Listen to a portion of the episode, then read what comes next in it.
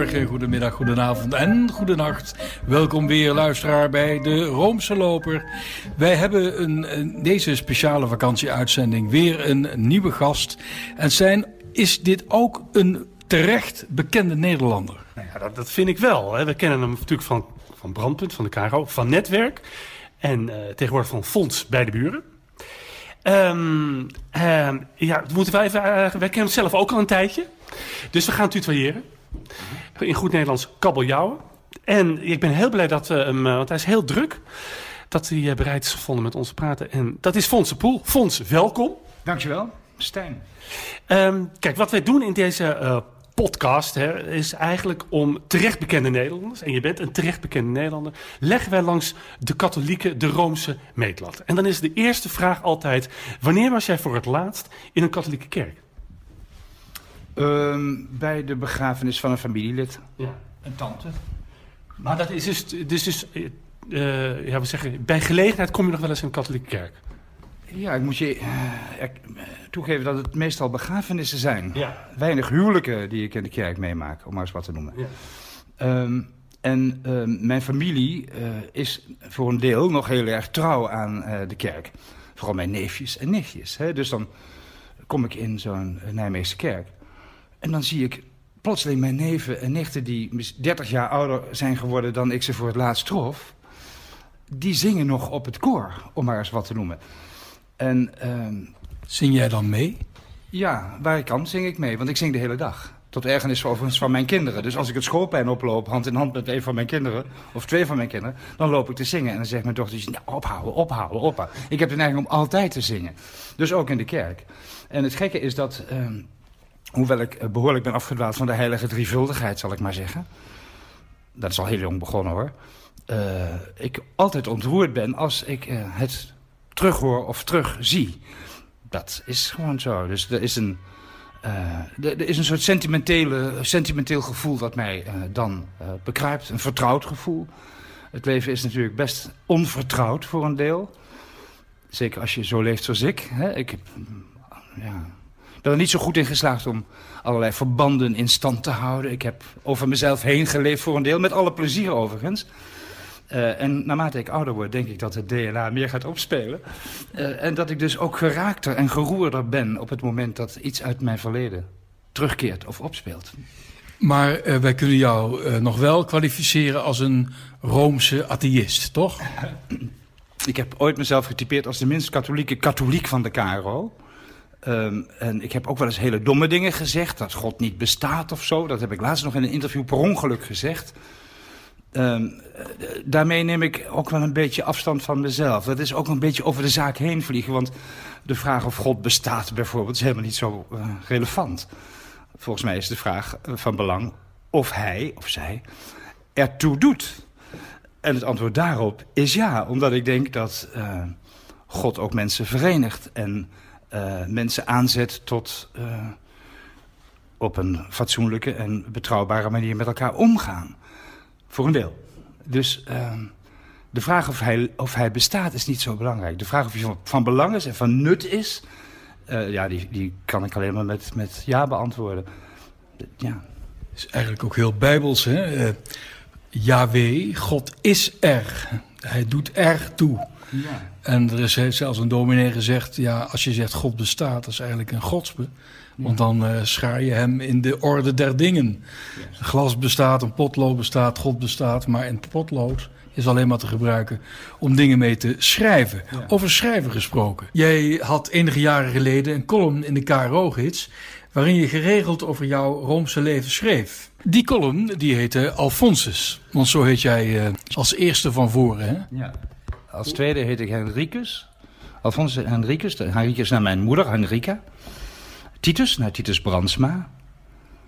En um, Alphonsus Henricus, Titus Maria. Ja, dus Alfons Ariens is de... Uh, mijn ouders hebben aan Alfons Ariens gedacht. De arbeiderspriester in Enschede, meen ik. Toen ze mij die naam gaven. En aan Titus Brandsma gedacht. Dus uh, dat waren wel, uh, voor zover ik weet, mannen die in een sterke katholieke traditie stonden, uiteraard maar daarin ook een hele dwarse eigen positie uh, kozen. Ja, want, uh, Titus Brandsma was volgens mij journalist. Hij was uh, journalist, ja. We zouden hem ook kunnen beschouwen als onze eigen patroon ja. van de journalisten. Um, ja, en dus wat dat betreft kan ik me voorstellen dat je heel veel met deze man hebt. Hij zat uh, verzet. Hij legde ook de, de banden met de katholieke hoofdredacteuren ten tijde van de Duitse bezetting. Ja. En een... Vermoord in Dachau. Vermoord in Dachau. En ja, en een van die hoofdredacteuren later, maar die dat toen ook al heel erg actief was namens die katholieke journalistiek, was iemand die jij heel goed hebt gekend. Dat was Louis Frequin. Ja, ik, ik heb uh, vooral zijn zoon goed. En nog, hè, Willy Brort is zijn oudste zoon. Uh, toen ik bij Brandpunt kwam, uh, ontmoette ik Willy Brort. En Louis heb ik zelf niet meer meegemaakt, want ik ging bij de Gelderlanden werken als jongste bediende. En toen was Louis net afgezwaaid. Dus ik ben door zijn opvolger aangenomen, maar later kwam ik dus zijn oudste zoon Willybrood, ja. Die kwam ik dus tegen. En daar ben ik nog steeds mee bevriend. De man heeft een best moeilijke tijd gehad. Hè, nadat hij bij Brandpunt uitgerangeerd was geraakt. En toch op een nare manier vertrokken met een affaire waar hij nooit meer over wil praten. Uh, maar hij woont bij mij om de hoek. En met enige regelmaat bel, belt hij mij of ik hem... Uh, wil je voetballen kijken? Ja. Ajax speelt tegen Lyon. Ja, is misschien leuk om samen te kijken. Nou, dan, gaan we, dan ga ik daar naartoe. Dan speelt hij ook nog steeds de Willy Brood die wij van televisie kennen. En na een paar uur wordt, normaliseert dat. En blijkt hij een ontzettend uh, kwetsbare, lieve man te zijn. Dat is hij natuurlijk diep binnenin. Zoals heel veel mensen met een tamelijk grote mond van binnen... tamelijk uh, ook kwetsbaar zijn, vaak. Naar jou, jou, het gezin waarin jij opgroeide. Uh, je bent, als ik me niet vergis, 61? 62. 62, mijn hemel, 62. Uh, wat was dat voor een gezin? Dus zal maar zeggen, eind jaren 50, begin jaren 60? Ja, mijn vader was stratenmaker, dus we hadden het niet breed. Hoewel hij naar de maatstaven toen best een redelijk salaris had. Maar als je acht kinderen moet onderhouden dan is dat wel erg veel. Dus we waren in de straat altijd de laatste met alle voorzieningen die toen opkwamen. Hè? Dus ik had natuurlijk de genade van de late geboorte. Dus ik heb de emancipatie nog wel meegemaakt van katholieke kinderen uit een arbeidersnest... die eigenlijk ertoe veroordeeld waren, althans zo was het in mijn dorpje dat er ging er maar één naar de MULO in dat hele dorp. Hè? De rest ging naar de ambachtschool of de meisjes gingen naar de huishoudschool. Dus ik heb die opgang meegemaakt en het was een ongelooflijk warm gezin. Daar kon heel veel. Mijn ouders waren weliswaar uh, traditioneel voor een deel, maar enorm uh, veel vrijheid. Ik kan me, mijn broer speelde allemaal in bandjes en zo. De Typhoons, de Jaguars, de Four Lightnings... En dat repeteerde het hele weekend door bij mij thuis. Ja. Uh, met allemaal fans, jonge meisjes die aan de deur kwamen uit Venlo gelift om Johnny te zien, mijn oudste broer. Vetkuivertijd. Tegelijkertijd waren, waren we nog wel uh, praktiserend katholiek. Ja. Althans, mijn ouders wilden graag dat we naar de kerk gingen. gebeden? Uh, nee, dat kan ik me niet herinneren. Ja. Maar wat ze wel hebben gedaan... Uh, de beatmis kwam op. Hè. Katholieken zijn nooit te beroerd geweest in Nederland om de mythe helemaal kapot te maken. En, uh, want dat vind jij ook een uh, verschrikking? Nou, achteraf wel. Maar toen waren we heel trots. Want die kerk die bijna, die begon al leeg te raken, toen al. Maar vanwege het optreden van mijn broers in die bandjes daar op, die, op, die, op dat koor... stroomde dat vol. Die, die kerk zat ineens barstens vol. En met de kerst al helemaal natuurlijk. Dus toen waren we heel erg trots op gezangen als... Uh, Petrus en Johannes die renden naar het graf. En Johannes was de eerste, omdat hij de jongste was. Overwonnen is de dood. Loof de Heer zijn macht is groot, weet je. Nu weet ik dat het natuurlijk verschrikkelijk was. Dat het eigenlijk alles uh, beëindigde wat, je, wat, wat geloof en kunst in zich verzamelen. Namelijk het mysterie. Nou, dat, dat hebben we aardig opgegeven doen. Maar toen waren we er heel trots op. Maar het heeft ook iets traars, omdat toen echt gedacht werd... dit is een manier om de jongeren erbij te houden. Dat dacht men echt. Ja. Maar misschien is de diepste waarheid wel dat het allemaal niks voorstelde. Dus dat denk ik eigenlijk. Dus ik heb wel eens een reportage gemaakt met jou samen, Stijn, ja. volgens mij, in Nijmegen. Over hoe het nou kan dat in 40, 50 jaar tijd en het was een katholieke stad, want voor mijn, voordat ik geboren werd, was het de stad met de meeste kloosterorden. En, en, hè? Canisisch college. Nou ja, uh, het ruisen van de rozenkransen, dat, dat bepaalde uh, het geluid in ja. de straten bijna. En hoe kan het dan dat het 40, 50 jaar later totaal afgelopen is? Totaal. Dat betekent dat het heel ondiep was. En dat heb ik thuis ook zo ervaren. We waren blij dat het afgelopen was. Toen in Hatert, wat een mooi dorpje was, de oude kerk werd afgebroken. Stonden ook hele traditionele uh, katholieken te klappen. Voor de, weg met die oude troep. Het is natuurlijk dat is zo Hollands als het maar zijn kan. Als je ziet hoe onze dorpen en steden verwoest zijn en inmiddels bewoond worden door het ene kruidvat naar het andere. Ik bedoel, ga naar Os, ga naar Boksmeer, ga naar Nijmegen. Het is allemaal. als ik door België rijd, denk ik, die hebben hier nog wat overeind. Wij hebben alles gesloopt. Dus het mysterie, de kerken, uh, en, we hebben daaraan meegedaan met volle overtuiging. Omdat er iets benauwends was en er iets ondieps was aan dat katholicisme. Het was niet heel erg doorleefd volgens mij. Nou ja, wat ik, wat ik altijd opmerkelijk vind is dat... Ik geloof in 1964 uh, kwam er een brief van de bisschoppen... dat je niet meer hoefde te gaan biechten. Je kon ook naar een, een viering van boete en verzoening. En toen schijnt, ik, ik was er nog niet, maar het schijnt... dat toen binnen drie maanden al die biechtstoelen leeg waren. Dat betekent dat het weinig heeft voorgesteld, maar dat ook de biechtvaders ontzettend blij waren dat ze dat niet meer hoefden te doen. Ja, dat kan ik me ook wel voorstellen, want wat, wat heb ik nou in mijn jeugd gebiecht? Dat ik, eh, ik verzond ter plekke dat ik koekjes had gejat uit, uit, uit de koekjestrommel van mama. We, dat was het. En dan, mocht ik uh, de, de oefening van berouw gaan prevelen in een hoekje. Die ken ik nog wel uit mijn hoofd, niet helemaal.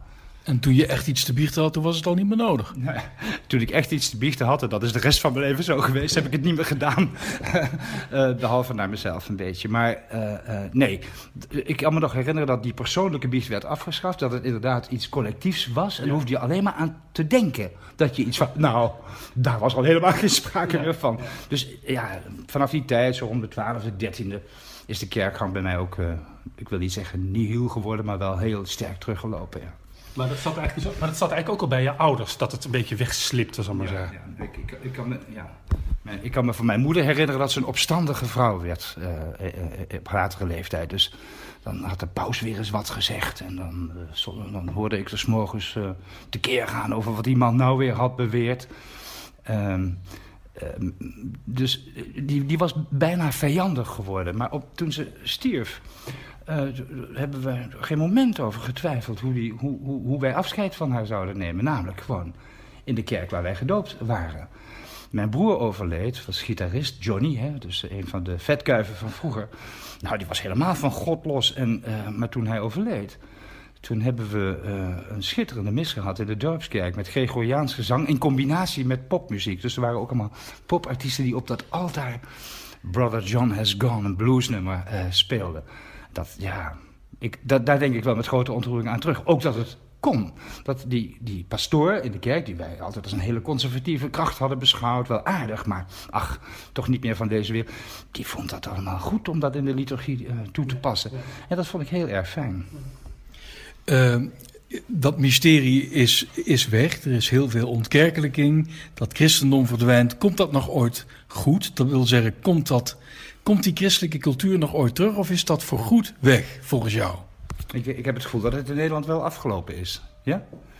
En, um, uh, Vind je dat jammer? Mm, nou, het zou hypocriet zijn van mezelf om dat zo te benoemen. Ik geloof wel, ja, dat zegt iedereen dan, dat er niet zo gek veel voor in de plek is gekomen. Dat geloof ik ook wel, dat er een zekere leegte is uh, achtergelaten. En ook toen wij die reportage in Nijmegen maakten over al die kerken die inmiddels, wat hebben ze ervan gemaakt? Uh, woonorden en uh, meubelboulevards of weet ik veel.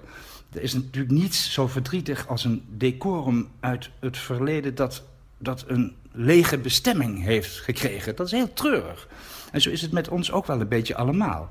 Ik geloof dat we ja, we zijn natuurlijk steeds individualistischer geworden. De politiek kan niet meer rekenen op enige uh, steun in het midden. Uh, Iedereen leeft zijn gefragmenteerde leven. We zijn allemaal coalities van belangen zelf geworden. Dat, dat heeft iets, iets leegs, maar ik zou niet weten wat je daaraan zou moeten, moeten doen.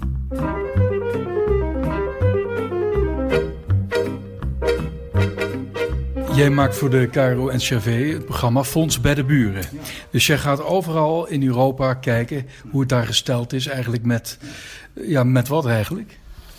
Nou, met, eigenlijk met uh, uh, de geschiedenis die drukt op het, op het heden. En dat doe ik op een zo speels mogelijke manier, want ik heb er niet zoveel zin in om alleen maar hele ernstige verhalen te maken. Ik vind wel dat je aan het eind van de rit moet denken als kijker, goh, zo had ik nog niet naar Polen of naar Portugal gekeken, dat vind ik dat moet. Uh, maar het is vooral om duidelijk te maken dat uh, Europa, dat wij, wij verlangen van, van uh, onze buurlanden in Europa, of het nou de Polen zijn of de Portugezen of wie dan ook, dat ze hetzelfde zijn als wij. De bedoeling is om duidelijk te maken dat dat niet zo is. Dat, we hebben een paar jaar die, nare Duitsers over de vloer gehad, dat was heel verschrikkelijk. Maar als je dat vergelijkt met vijf eeuwen bezetting in Polen en de totale, totale ontkenning van dat land, dat is geamputeerd en, noem maar op dan moet je niet verwachten dat zij in hetzelfde tempo democraten worden zoals wij dat zijn. Dat kennen ze pas vijf. Dus ik, een beetje begrip krijgen voor de buren, dat is eigenlijk het doel van die serie. Hoe is het bijvoorbeeld in Polen gesteld met het katholicisme? Kom jij daar nog uh, elementen van dat, van dat geloof vanuit jouw jeugd tegen? Nou, ik, daar ben ik niet heel erg naar op zoek gegaan. Maar Polen is natuurlijk voor een belangrijk deel nog een heel katholiek uh, land. En de katholieke kerk is daar ook een hele uh, belangrijke kracht. Ik denk dat je... Nog steeds dus? Nou, ik denk dat je heel weinig voor elkaar krijgt als je de kerk niet bent. Dat is gewoon nog een machtsfactor. Op de, op de ouderwetse manier eigenlijk bijna nog. Dat is toch nog wel hemel, hel, vagevuurkerk is het daar, denk ik. Weet ik niet zeker, maar dat denk ik. Uh, ja, maar de Polen uh, hebben hun geloof in de politiek verloren. Uh, dus ze waren heel optimistisch natuurlijk. Ze hebben de bijl aan de wortel van het communisme gelegd... samen met Johannes Paulus II. Dat is omgeslagen in een keihard bonanza-kapitalisme. En nu een werkloosheid van 8 miljoen mensen in één keer. En, en dat, heel langzaam kruipt dat uit het dal. En nou zie je dat die communistische kooi... Hè, die, ze, die ze ooit gewend waren te hebben... wordt vervangen door een nationalistische kooi... Uh, uh, het is een heel verscheurd uh, land. Ik hou wel van werelden die... Ik ben ook wel gecharmeerd van werelden die in, die, die in verval zijn. Hè? Dus die, die nog moeten beginnen. Mm. Dus, dus de Polen, wat me aanspreekt... is dat, ze, dat ze hun oriëntatie kwijt zijn, dat het verscheurd is. Dat vind ik interessant. en tegelijkertijd voel je ook wel de energie van een land... dat eigenlijk nog in zijn midlife crisis zit. En dat is goed, want wij zijn klaar. Dit land is af, zeggen ze allemaal. Dat is ook voor een belangrijk deel zo. Wat, moet ik, wat moeten mijn kinderen uh, aan... aan, aan ik, ik, ik, ik weet nog dat ik, ik had medelijden met mijn ouders... die zo hard moesten werken. Voor, voor een klein salarisje. Met acht kinderen. En ik denk dat ik me als jongetje inprentte... Uh, dat ik wil dat anders proberen te doen. En ik had medelijden met... Ik vond het een lot dat ze droegen. Uh, sappelen. tegelijkertijd ehm, als ik dan in Polen ben, dan voel ik de energie die bij mij thuis ook wel heerst. Namelijk, wij moeten nog iets van het leven gaan maken. Dus er is veel teleurstelling, maar er is ook heel veel energie. Die mensen die werken zich helemaal suf. Die komen helemaal naar ons land om hier twintig uur per dag te werken... waar wij te beroerd voor zijn. Ze doen het. Dus, dus die midlife crisis die gaat wel over. Dat wordt heus wel een democratie, maar in een ander tempo dan wij hopen en verwachten. En dat probeer ik in dat programma duidelijk te maken.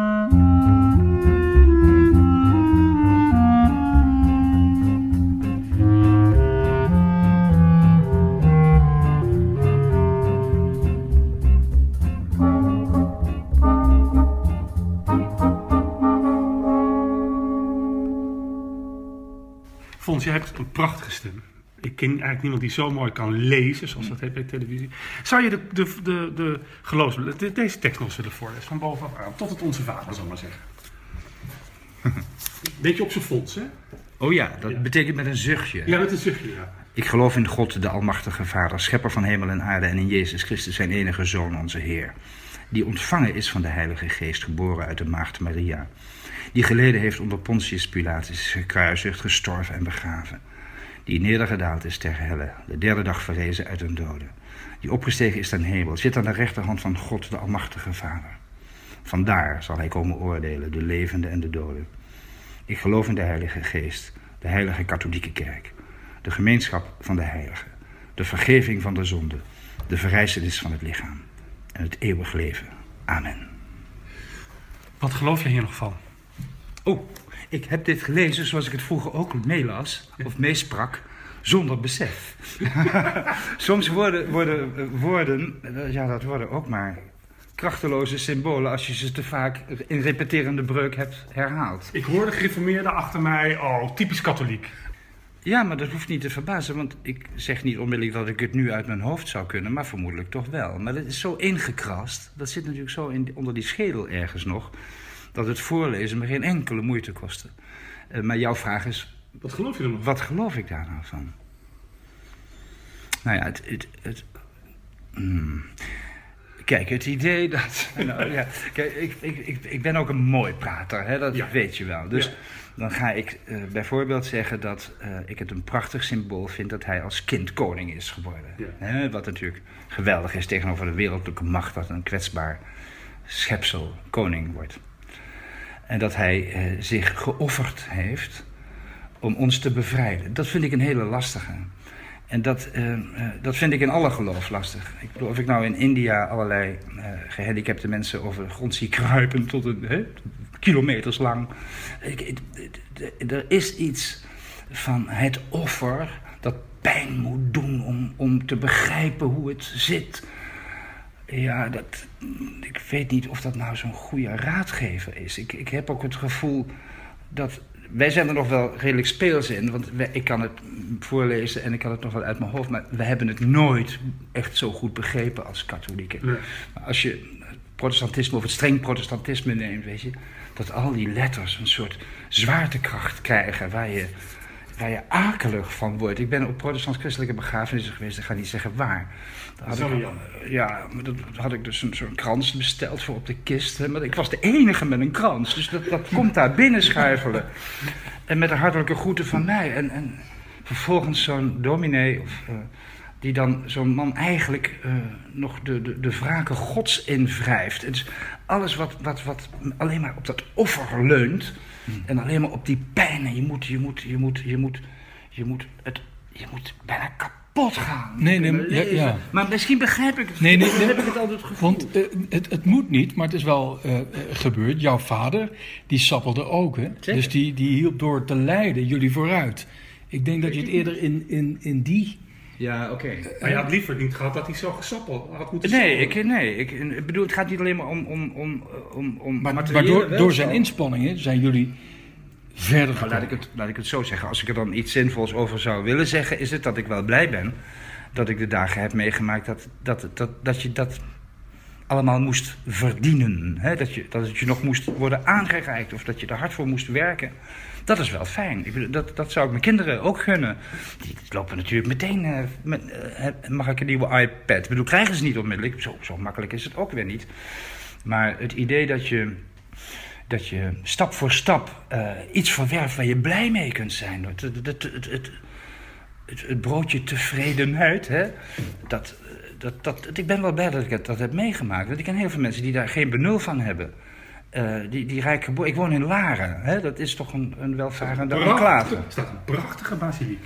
Zeker, zeker. En daaromheen staan ongelooflijk mooie woningen en eh, kinderpartijtjes met op, versierde oprijlanen. Ik wil er niet alleen maar een schabloon van maken, maar er zijn heel veel mensen die eh, snel rijk zijn geworden of altijd rijk zijn geweest. Of, ja, ik ben altijd wel blij dat ik, eh, dat ik dat gesappel van mijn ouders heb meegemaakt. Maar dat, ik had het ze niet gegund. En je wordt er ook niet per se een beter mens van. Dat geloof ik ook. Misschien wel vollediger, maar beter, dat weet ik niet. Het is geen doel.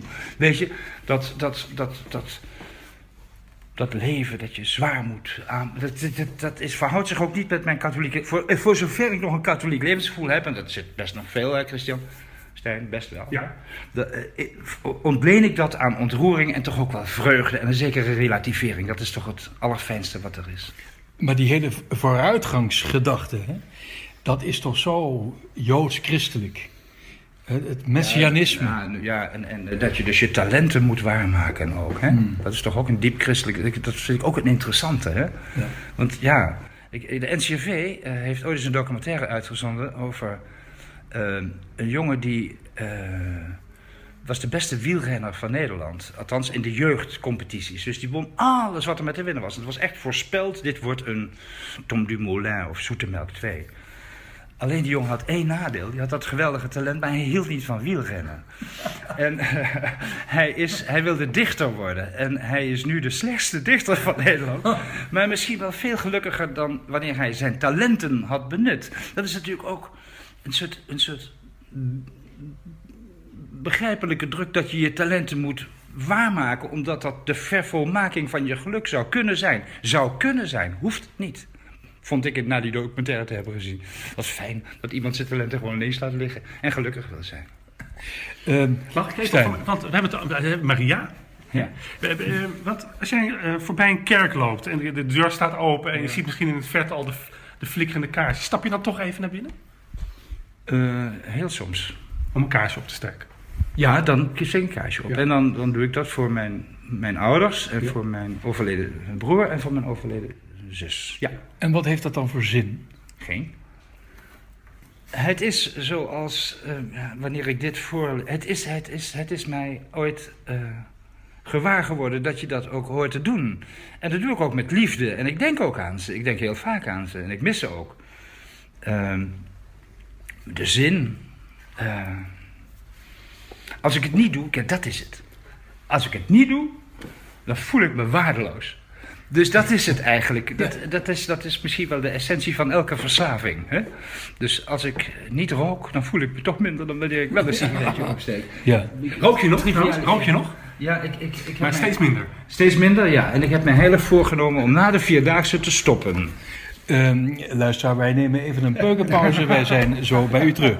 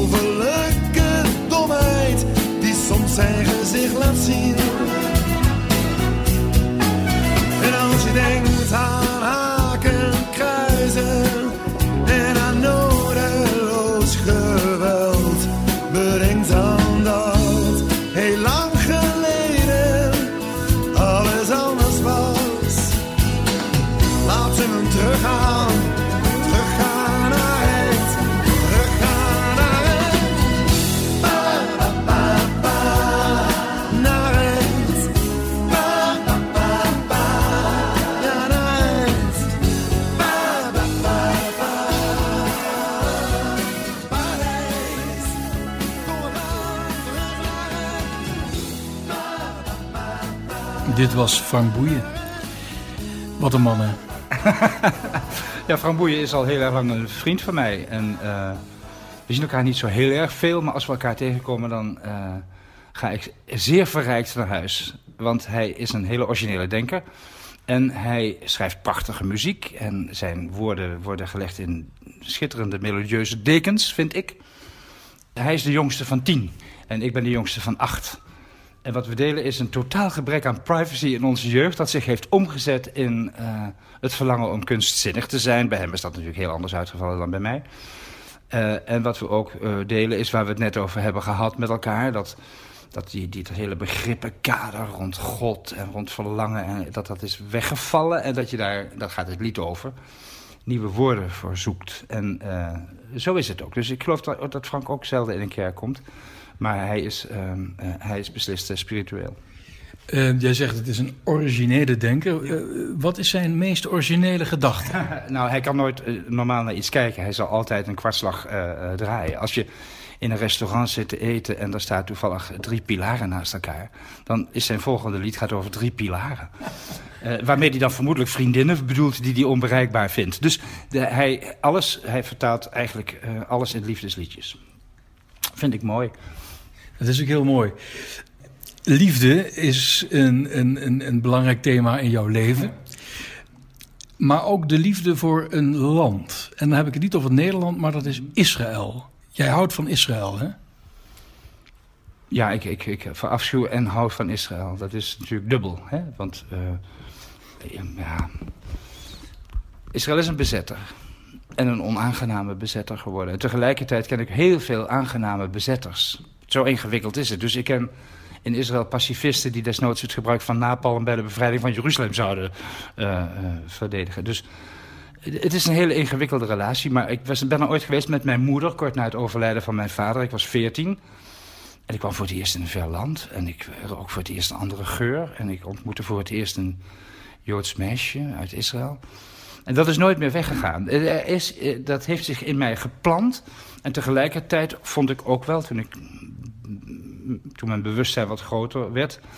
dat uh, het Zionisme, toch de nationale bevrijdingsbeweging van het Joodse volk... om het maar eens in linkse termen te zeggen dat het Zionisme uh, een, uh, een hele troostrijke beweging is geweest en uiteindelijk vorm heeft gegeven aan een land waarin ze desnoods met getrokken geweren hun eigen Joodse waarden verdedigen. En dat vind ik ontroerend en tegelijkertijd ook teleurstellend dat het zo gaat en zo moet en dat het ook verrechtst is.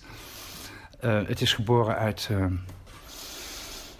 uit de ovens eigenlijk, toch? Uit, ja. uit idealisme ook. Om een ja, nieuwe, nieuwe toekomst. Ja, enorm, enorm. En uh, ja, van de woestijn een fruittuin maken en zo. Dat is allemaal waar. Uh, ja, ze hebben onderschat dat er een Palestijns probleem was, volgens mij. Ik geloof maar, die, die reis, hè, dat was natuurlijk ook langs de, de, de, de highlights van Jezus, of niet? 100 procent, Stijn. Ja, natuurlijk. Ja. Natuurlijk heb ik in de Jordaan gestaan. En uh, zag ik hoe allerlei Amerikaanse christenen daar kopie onder gingen. En dan wauw, wauw, helemaal in hun wedergeboorte opstonden. Dat is mooi om te zien. Um, en um, ik had wel in Jeruzalem nog het gevoel... Hier is wel iets gebeurd. Hè? Dus dat het, dat het het centrum is van, van de drie uh, grote monotheïstische godsdiensten mede. Ja, ik kan niet normaal door Jeruzalem lopen. En ik, wat ik interessant vind... Maar wie wel, het is toch een, eigenlijk een waanzinnige stad. Het is niet, eens, het is niet eens een stad. Uh, uh, uh, je valt gewoon van je geloof af in Jeruzalem. Ja, Tenminste, niet, dat is bij mij bijna ja, gebeurd. Weet je, kijk, natuurlijk, als je, als, je, als je de berg Golgotha wil zien... dat is nu een busstation. Nee, ja. volgens, uh, volgens ons uh, is daar een kerk overheen gebouwd. Ja, maar je hebt twee Golgotha's. Ah. Ja, het, het, het, meest waarschijnlijke Golgotha is nu een busstation. En je hebt ook het Jeruzalem-syndroom. Dat van mensen die dus heel erg letterlijk met de Bijbel zijn opgevoed. Van die idioten die verkleed als koning David harp gaan spelen. Ja, ik, ik, ik heb een, een psychiater geïnterviewd die af en toe drie uh, vechtende messiassen in, in zijn kliniek heeft. Dus dan, dan is er het onvermogen om wat je, wat je ooit is ingeprent, letterlijk is ingehamerd. Uh, om, om dan het heden uh, te kunnen accepteren. En dat, dat slaat dan kennelijk om. En ik moet nu een daad stellen. En dan gaan ze zich verkleden, ze reinigen zich, ze gaan in het wit lopen. Na zes dagen, het is een psychose, is het afgelopen en schamen ze zich diep. Het duurt niet langer dan zes dagen, ook zo'n wonderlijk iets. Uh, uh, en iets begrijp ik er wel van, want door Jeruzalem lopen in, als een normale stad, dat, dat kan niet. En zelfs de spanning vind ik, uh, ja, dat is vreselijk om te zeggen, zelfs de spanning vind ik aangenaam. Heb jij elders in de wereld een, een heilige plek? Hatert. nee, het zijn momenten dat je, dat je even in de melancholiek jezelf verlaat en terugkeert in waar je ooit zo behagelijk was. Dat zijn soms wel kwart seconden van geluk. Dus die heilige plekken heb ik wel. Dus ik was een keer met Lajos Calanos, mijn cameraman, in Mexico City. Zaten we op een terrasje en we waren moe. En ik Die naam moeten we even, sorry voor ons, even herhalen. Lajos Calanos, dat was mijn cameraman, mijn, mijn journalistieke vader toen ik bij Brandpunt kwam. En daar ging ik heel veel mee op reis. En Leiders was een geweldige man om mee te werken... omdat hij zelf heel veel in zijn leven had meegemaakt. Gevluchte Hongaar. Veel van zijn celgenoten zijn opgehangen naar schijnprocessen. Dus ik had enorm, hadden we een hele innige band. Maar waar ik naartoe wil is het moment dat we in Mexico City op een terrasje zaten. De late middagzon. De late middagzon is nodig om, uh, om in dat melancholieke gevoel te geraken. Tenminste bij mij. En zo zijn er een paar van die momenten in je leven dat je... In, ik viel daar in slaap en, en ik, ik werd wakker. Ik zag al die mensen op die markt en die zon werd steeds trager... en de beweging werd steeds trager van al die... En het, het volmaakte geluk. En dat gebeurt me wel eens. Dat ik op een plekje ben... Uh, ik onthoud het dan weer niet... Maar dit is een voorbeeld waar, waarin je waar, waarna je zou willen terugkeren, ja. Wij zijn ook een keer met de KRO-ledenreis naar Rome gegaan. Ontzettend leuk. Ja, vond, vond je dat leuk? Je- Want, want Ja, omdat ik, omdat ik, ik vond het heel erg fijn omdat ik eh, mijn ouders eh, zag lopen. Die zijn er natuurlijk niet meer. Maar eh, eh, eh, mensen die eh, misschien voor het eerst in hun leven zo'n grote reis naar, de, naar de, de eeuwige stad maken. En dan ook lang op een bus moesten wachten. Eh, eh, eh, en eh, het eten was niet altijd fantastisch. Het was een prima georganiseerde reis. Ik wil echt niemand beschadigen. Maar wij van deze generatie, en zeker verwende journalisten en reizigers als ik ben, zouden niet kunnen verdragen dat je twee uur op een bus moet wachten. Maar deze mensen wel. En wat ik zo ontroerend vond, is dat ze ook. eh, er was een slotbijeenkomst waarin iedereen zijn eigen indrukken had verwerkt in of een lied of een gedicht. Of een, en eh, dat was een terugkeer in de tijd voor mij. En dat vond ik prachtig. Ik heb een keer eh, Paul Witteman geïnterviewd. Ja. Iemand die eh, eigenlijk ook heel vroeg dat katholiek geloof verlaten heeft. En die zegt, als ik in Rome ben... Kijk, er zit nog ergens in mij een magneetje in mijn hoofd. En als je in Rome bent, wordt dat magneetje weer enorm ja, aangetrokken. Ja. Heb jij dat ook? Ja. Ja, dat heb ik ook. Ik heb met jou wel eens gestaan bij zo'n bijeenkomst in Rome. Er kwamen al die oude mannen dat plein op zo, met, met kardinalen en bisschoppen. Ik ken, ze niet allemaal, lang niet allemaal. En eh, dat- die geweldige eh, muziek die daar klonk. Eh, en ik merkte dat ik gewoon moest, nou niet tegen mijn tranen moest vechten, maar het, het, het raakte mij intens. Maar dan heb ik ook, als ik toevallig in Limburg ben, en er is zo'n processie. In Laren heb ik het niet gek genoeg, dan ben ik altijd weg. Ik heb het in Limburg ook wel eens gehad. dat Zo'n zo'n dorp met zo'n beeld. Maar het is allemaal het sentiment. Het is allemaal. En dat is mooi. Want het heeft ooit toch als een warme deken over je heen gelegen. Kennelijk. Anders heb je dat gevoel niet. En het heeft te maken, denk ik, met het feit dat het mij herinnert aan de dagen dat mijn vader nog niet dood was. Dus mijn vader ging dood toen ik 14 was. En ik weet zeker dat ik daarvoor volmaakt gelukkig was. En daarna nooit meer volmaakt gelukkig ben geweest in die zin. Er was altijd, dat heeft een enorme wond geslagen in mij. Ik begreep het niet. Ik voelde me heel alleen, ik voelde me ook verlaten. Ik, voelde, ik vond, het, vond het erg, die man die zo hard gewerkt had op zijn fietsje straten maken. Een bestaan van hard werken, trottoirbanden sjouwen. En dan is hij 56 en plotseling krijg je de mededeling... papa ligt in het ziekenhuis. En in, in drie dagen tijd was het afgelopen. Ik geloof vier hartaanvallen tegelijk, in, in een paar dagen. En eh, mijn geluk is daar, mijn, mijn, mijn onbedreigde geluk is daar geëindigd. En ik heb ook jarenlang nachtmerries gehad dat hij terugkeerde, dat hij me niet herkende omdat ik nooit afscheid had genomen, dat soort dingen. En ik denk dat alles wat refereert aan de periode voor zijn dood, maakt mij gelukkig. Daar heb ik zelfs met Duitse slagers. Dus eh, eh, ja, wie houdt er nou van Duitse slagers? Ik! Jij ook? Ja, ik ook. Ja, ja, ja. Ja, maar ik, dat, dan, dan zat ik, vroeger had ik brandpunt gepresenteerd, vrijdag, zondag was ik helemaal stuk. En dan zat, lag ik 's maandagochtends in bed, doodmoe. En dan kreeg je de muzikantenstadel. Nou, met de Hoekelberger, Hoetsem, weet ik wat voor groepen allemaal. Met wallen onder de ogen en matjes. En eigenlijk diep ongelukkig. Met die, met die bord, de, bordkartonnen decors en van die jonkelende tafels. Je kon mij niet gelukkiger maken. Want het greep terug. Die Duitsstaligheid en, en de Duitse televisie die wij natuurlijk altijd keken in het Nijmegen. Voor de dood van mijn vader.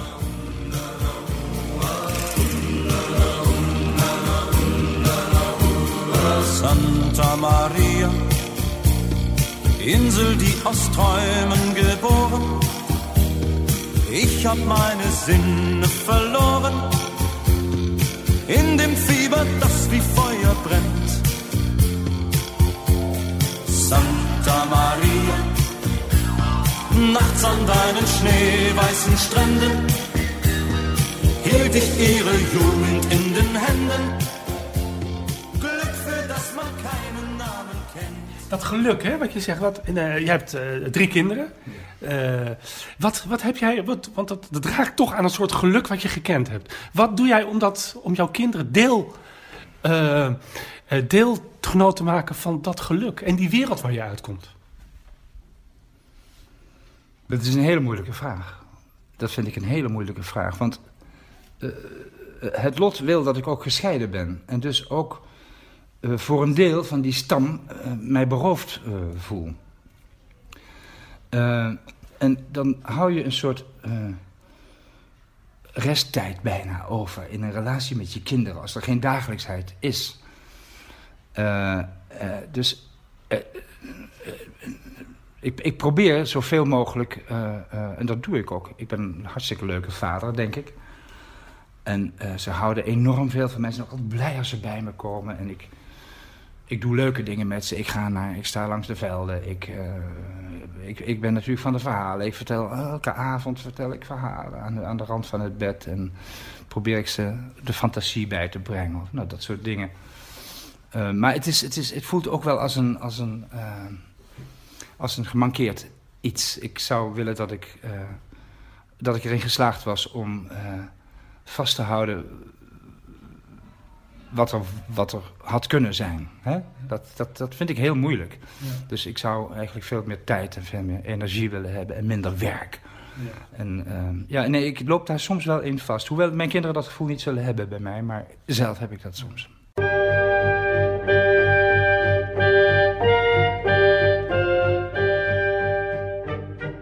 Ik ga even terug naar die tekst die jij zo mooi hebt voorgelezen. Het eeuwige leven. 62.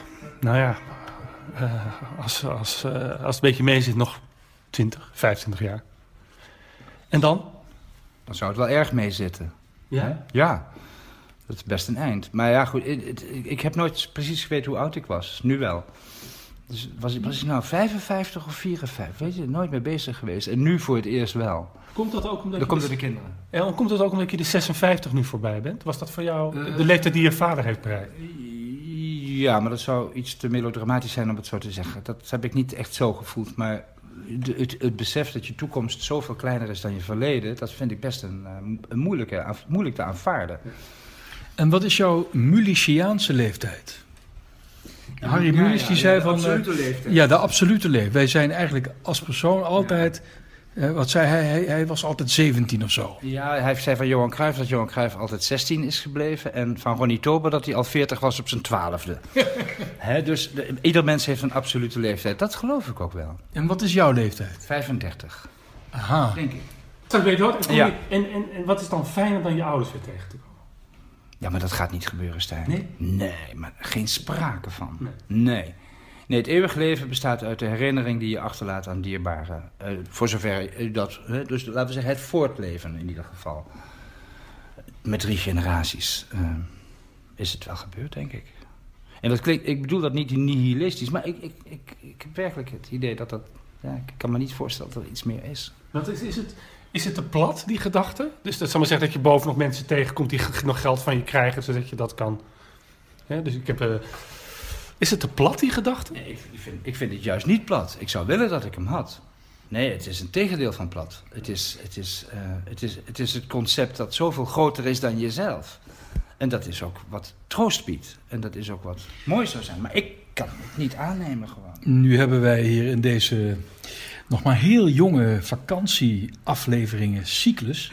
hebben wij een rubriek en dat heet, en die heet eh, de beschermheilige. Dus de vakantiepatroonheilige. Maar moeten we dat bij jou wel doen? Want daar heb je... Ja, Nou, volgens mij ben je de, rijkelijk. rijkelijk. de heiligen, de heiligen zijn pas, eh, hebben pas nut als ze bestaan in de hemel. Ja, maar, ik- maar ik, ik wil toch even. Want ik ben met Fons in Rome geweest. op een soort. bij het, op het hoofdkwartier van de Jezuïeten. In het, in het heilige kabinet. waar allemaal eh reliquieën worden geprepareerd en bewaard van heiligen. En da- daar ben jij toch aan een heilige toevertrouwd eigenlijk. hè? Nou ja, ik, ik, eh, daar kreeg ik van Petrus Canisius, de heilige uit Nijmegen... kreeg ik een, een stukje van zijn kleed. Peter Canis, toch? Ja, ja, ja. ja. Pe- Peter Canis. En... ehm, En wat heeft Vervolgens kreeg ik ook nog een rozenkrans die de Ja. Poolse paus in handen heeft gehad. Ik moet je heel eerlijk zeggen, Stijn, ehm, ik was daar heel blij mee. Ik, ben er ook, ik, ik had echt wel het gevoel van enige tastbaarheid van geloof. Eh, maar als ik het spiritueel zou moeten omzetten naar het moment van vandaag, kan ik toch niet anders dan tot de conclusie komen dat na de, de, mij, nadat mij eh, deze reliquieën waren aangereikt, mijn hele leven totaal in de soep liep. Dus Sorry, ja. Ja. Het is heel raar dat we lachen, maar. het lag, het- misschien was het wel erger geweest. Dat zei Herman Vinkers toen ik het hem vertelde. Ja. Misschien was het wel erger geweest als je het niet had gekregen. Maar soms, maar soms moet misschien iets heel erg worden omdat het daarna weer beter gaat. Ja, zo zijn we Met onze lieve heren is het ook niet echt goed Nee, afgelopen. nee, zo zijn we weer terug op, het, op de noodzaak van het gesappel. Om, hè, om, om daadwerkelijk iets te ervaren dat je zo ongeveer door de, door de bodem moet zijn gezakt. Dat weiger ik vooralsnog te aanvaarden, want ik wil... Eigenlijk moet alles nog beginnen. Ik ben eigenlijk een hele optimistische man die morgen weer begint. En daarom krijg ik ook niet zo heel snel afgezakte mondhoeken. Fons, dank je wel dat jij ons eh, Je gast kijkt hebt willen aan, zijn. je moet Fons aankijken. Ja, maar dit is toch een podcast, Stijn? Dit is toch geen, een- podcast? Nee, dat is... Ehm, eh, wij vonden het eigenlijk wel goed gaan, of niet, Stijn? Jawel, ik vond het... En jij, hoe vond jij het gaan? Ik vond het leuk. Ja? Ja. Dit is geen radio, hè? Dit is podcast. Ik kan dat het verschil Het kan me niet, ik weet het verschil toch niet? Nee. nee. Wij eigenlijk ook niet, maar eh, je ziet hoe wij hier in de- de- deze setting, wij weet je, gaan vrij amateuristisch, maar het is wel heel Het gezellig. geheim is natuurlijk dat geen mens is tegen echte aandacht bestand. En jullie hebben zoveel aandacht voor mijn verhaal gehad. Daar, dat, daar, daar kun je alleen maar in meegaan. Wat zijn jullie ontzettend leuke, kundige, inlevende interviewers. En waar wij komen, waar wij komen, daar wordt gelachen. En wij geven aandacht. Wij gaan door het hele land met onze boodschap. En het eh, wordt nu ook nog erkend. Ik zou zeggen, stoppen. Maar wij stoppen niet zonder eerst aan te kondigen de volgende gast in onze volgende podcastaflevering. Daar kunnen mensen voor bellen met de eh dagblad Trouw 020. Dat weten we nog. Oh, dat weten we nog niet. Danny Christian. Ja, maar ik zou het goed vinden. Ja. Is die katholiek? Onderschat. Dat weet ik niet. Ja. Onderschat. Wat Ja, kan die man onderschat. zingen, hè? Wat kan die man zingen? Wou ik al zeggen, het is Ja. een ontzettende aardige man. Dat Ja, is het. Danny Christian. Mooie naam ook. Luisteraar, tot een volgende keer. Dag. Dag.